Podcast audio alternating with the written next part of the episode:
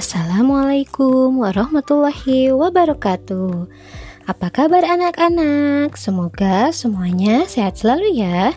Jumpa lagi dengan Ibu Santi di sini di podcast Taam Happy Kids. Hari ini kita akan mengenal salah satu kalimat toibah yaitu Innalillahi wa inna ilaihi rojiun. Coba ucapkan sama-sama. Innalillahi wa inna ilaihi rojiun. Kalimat innalillahi wa inna ilaihi rojiun ini disebut juga dengan kalimat istirja.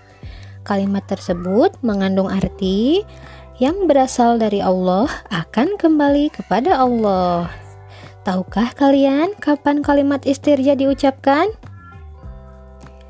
Ya, kalimat istirja biasa diucapkan ketika kita mendapat musibah, seperti ada orang yang meninggal, kecelakaan, banjir, longsor, kebakaran, bahkan ketika kita terjatuh, tersandung, kita harus mengucapkan kalimat innalillahi wa inna ilaihi rojiun.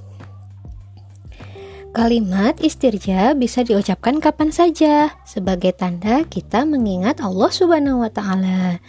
Nanti kalian coba di rumah bersama ayah dan mama, papa dan mama untuk mengucapkan kalimat istirja. Boleh dikirim kepada ibu guru berupa voice note atau rekaman video. Nah, sekian podcast Tam hari ini. Semoga bisa menambah pengetahuan kalian ya.